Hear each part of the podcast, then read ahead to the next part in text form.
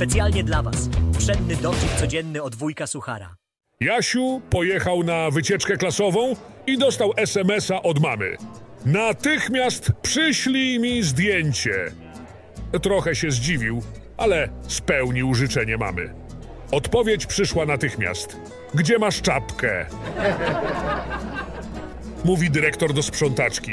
Pani Jadziu, gdzie się podział kurz z mojego biurka? Starłam, panie dyrektorze. Coś nie tak? Ojej, miałem tam zapisane ważne telefony. Magik jedzie na swój kolejny występ i zostaje zatrzymany przez policję.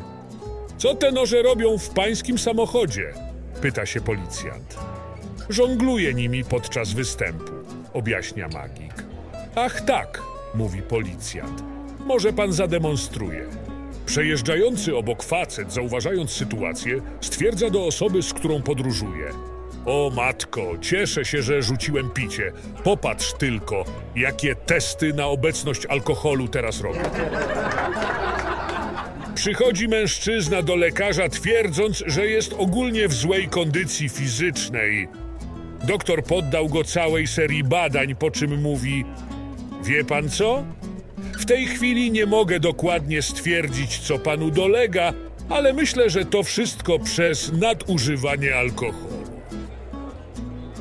A jest tu jakiś trzeźwy lekarz? Zapytał z ciekawości mężczyzna.